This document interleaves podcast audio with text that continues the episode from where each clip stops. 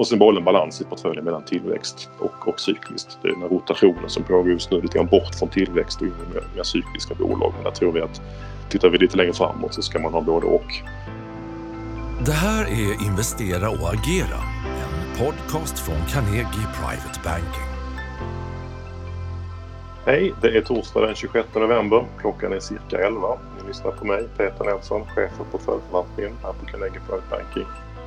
Jag tänkte i vanlig ordning prata lite om eh, marknadsutsikterna och vi, hur vi hanterar våra portföljer eh, under rådande omständigheter. Jag var med i podden för cirka en månad sedan. Då pratade vi en hel del om lite olika ven och då tänker jag på val, virus, vaccin och volatilitet. Och jag pratade även då om att vi hade en neutral börssyn för stunden. Jag kan ju konstatera att det har hänt en hel del sedan dess.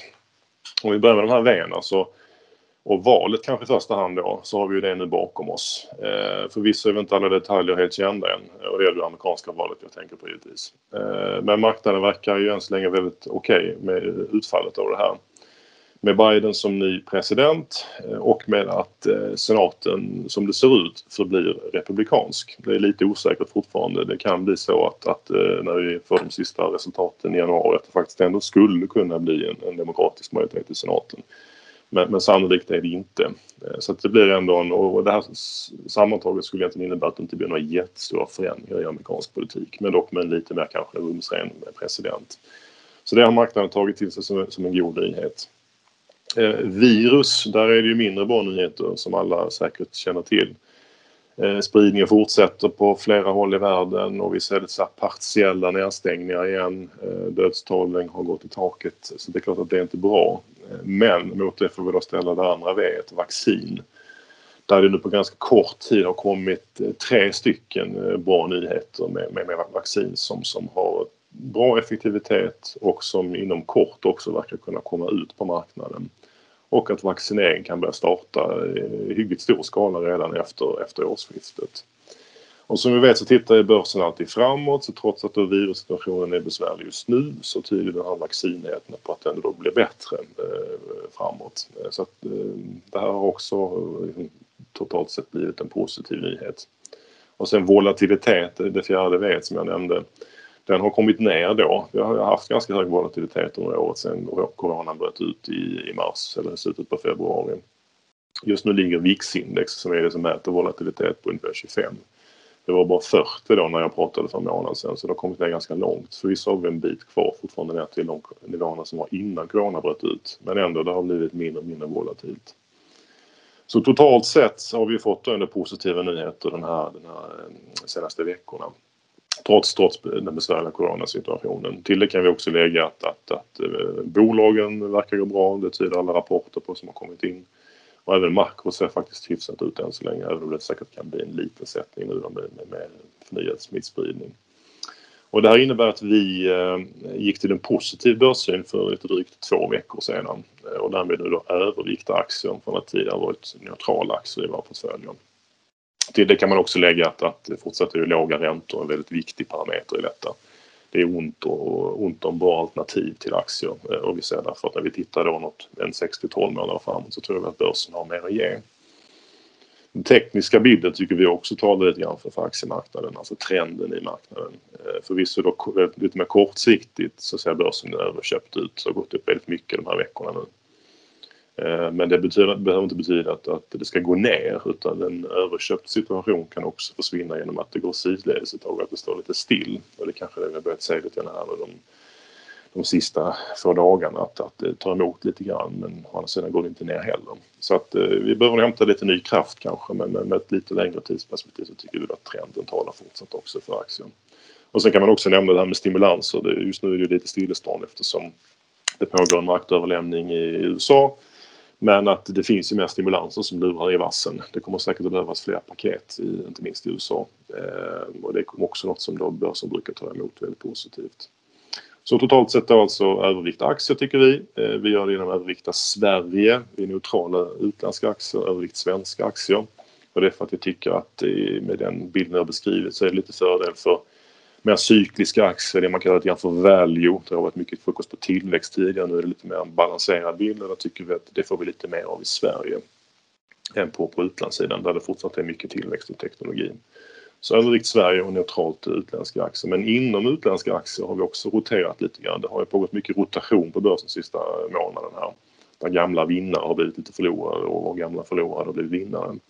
Så inom utländska aktier har vi ökat upp ett, eh, vårt robotiseringstema som vi tror gynnas av ett cykliskt uppsving.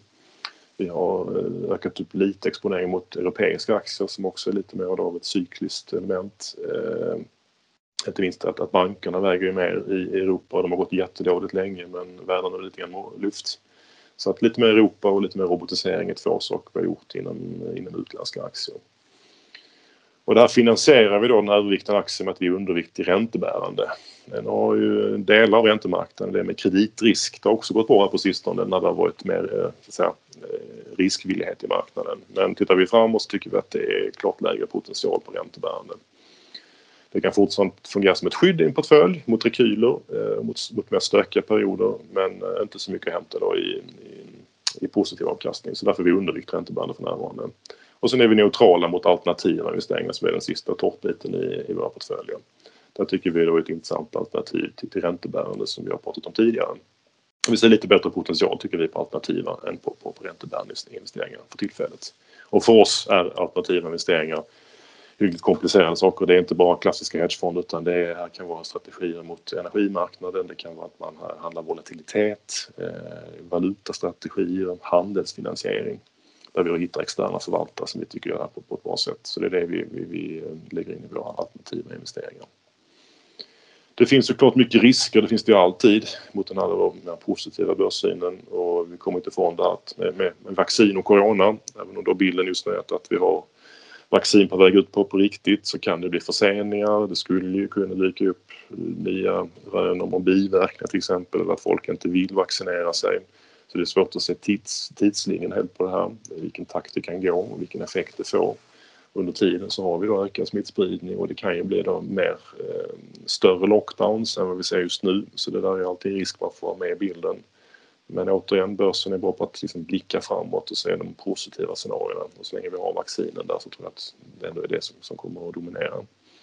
Och sen amerikansk politik, även om valet är bakom oss som jag nämnde så så kan det fortfarande komma eh, överraskningar här. Vi ska ha ett maktöverlämnande som säkert inte blir helt smärtfritt. Eh, och om det skulle visa sig då i januari att faktiskt eh, Demokraterna får en övervikt i senaten, ja men då kan det bli tal igen om ökade skatter till exempel. Vilket eh, kan påverka börsen negativt så det får vi väl också hålla ett öga på. Och sen som jag nämnde också kortsiktigt kanske det har blivit lite, gått lite väl snabbt va? att vi har ett lite för positivt sentiment. Det finns en hel del såna indikatorer som tyder på att väldigt många placerare nu har, har, har ökat upp aktier och är mer positiva till framtiden. Och det är klart när alla är positiva då ska man vara lite mer försiktig. Vi är nog inte riktigt där än, men det borde börja ta emot lite kortsiktigt då på, på marknaden. Och tittar vi ytterligare lite längre framåt så inflation är en sån här fråga som börjar dyka upp igen. Om det nu blir en bättre konjunktur och Eh, vi kan så småningom lägga corona bakom oss. Kan det vara så att inflationen kan börja vakna till liv igen då? Att, att räntorna är faktiskt alldeles för låga? Det är ett sånt här hot som dyker upp med jämna mellanrum man, man funderar på.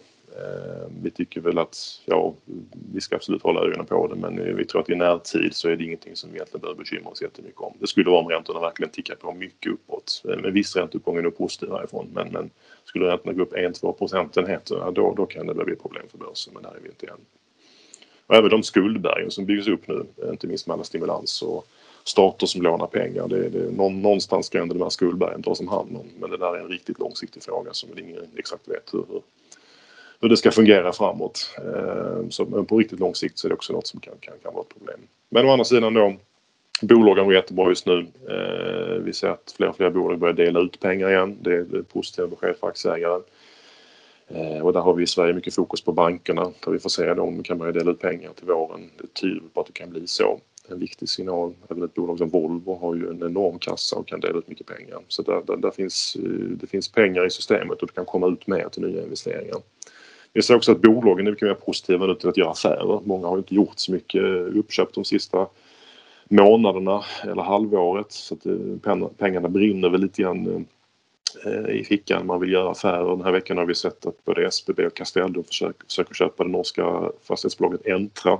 Det kommer säkert mer på det här temat. Vi ser också en hel del noteringar, börsnoteringar. Vi har Nordnet som kom ut den här veckan till exempel med en bra start. Det är fler på gång. Så det finns mycket riskvilja och mycket pengar som ska placeras. Det talar fortsatt för att börsen kan gå ganska bra. Så sammantaget tycker vi då att man ska vara investerad. Eh, inte ha för mycket cash, inte för mycket kassa. Eh, men tajmingen är alltid svår och då blir standardrådet att köpa ut, eh, sprida ut köpen lite grann. Mm, tajmingen är jättesvår att få till. Eh, som sagt kortsiktigt kanske man ska ösa in alla pengar just nu men definitivt passa på och, och inte minst köpa på, på eventuella bakslag. Och sen behålla en balans i portföljen mellan tillväxt och, och cykliskt. Det är den här rotationen som pågår just nu lite grann bort från tillväxt och in i mer, mer cykliska bolag. Men där tror vi att tittar vi lite längre framåt så ska man ha både och. För ändå i en värld med relativt låg tillväxt så kommer en bra tillväxtbolag fortsätta att ha en, en viktig del i en, i en portfölj. Så det var eh, det jag tänkte prata om idag. Tack så mycket för att ni har lyssnat. Är du intresserad av topprankad aktieanalys och unika investeringsmöjligheter? Gå då in på carnegie.se privatebanking och lär dig mer om vad du får som private banking-kund hos oss.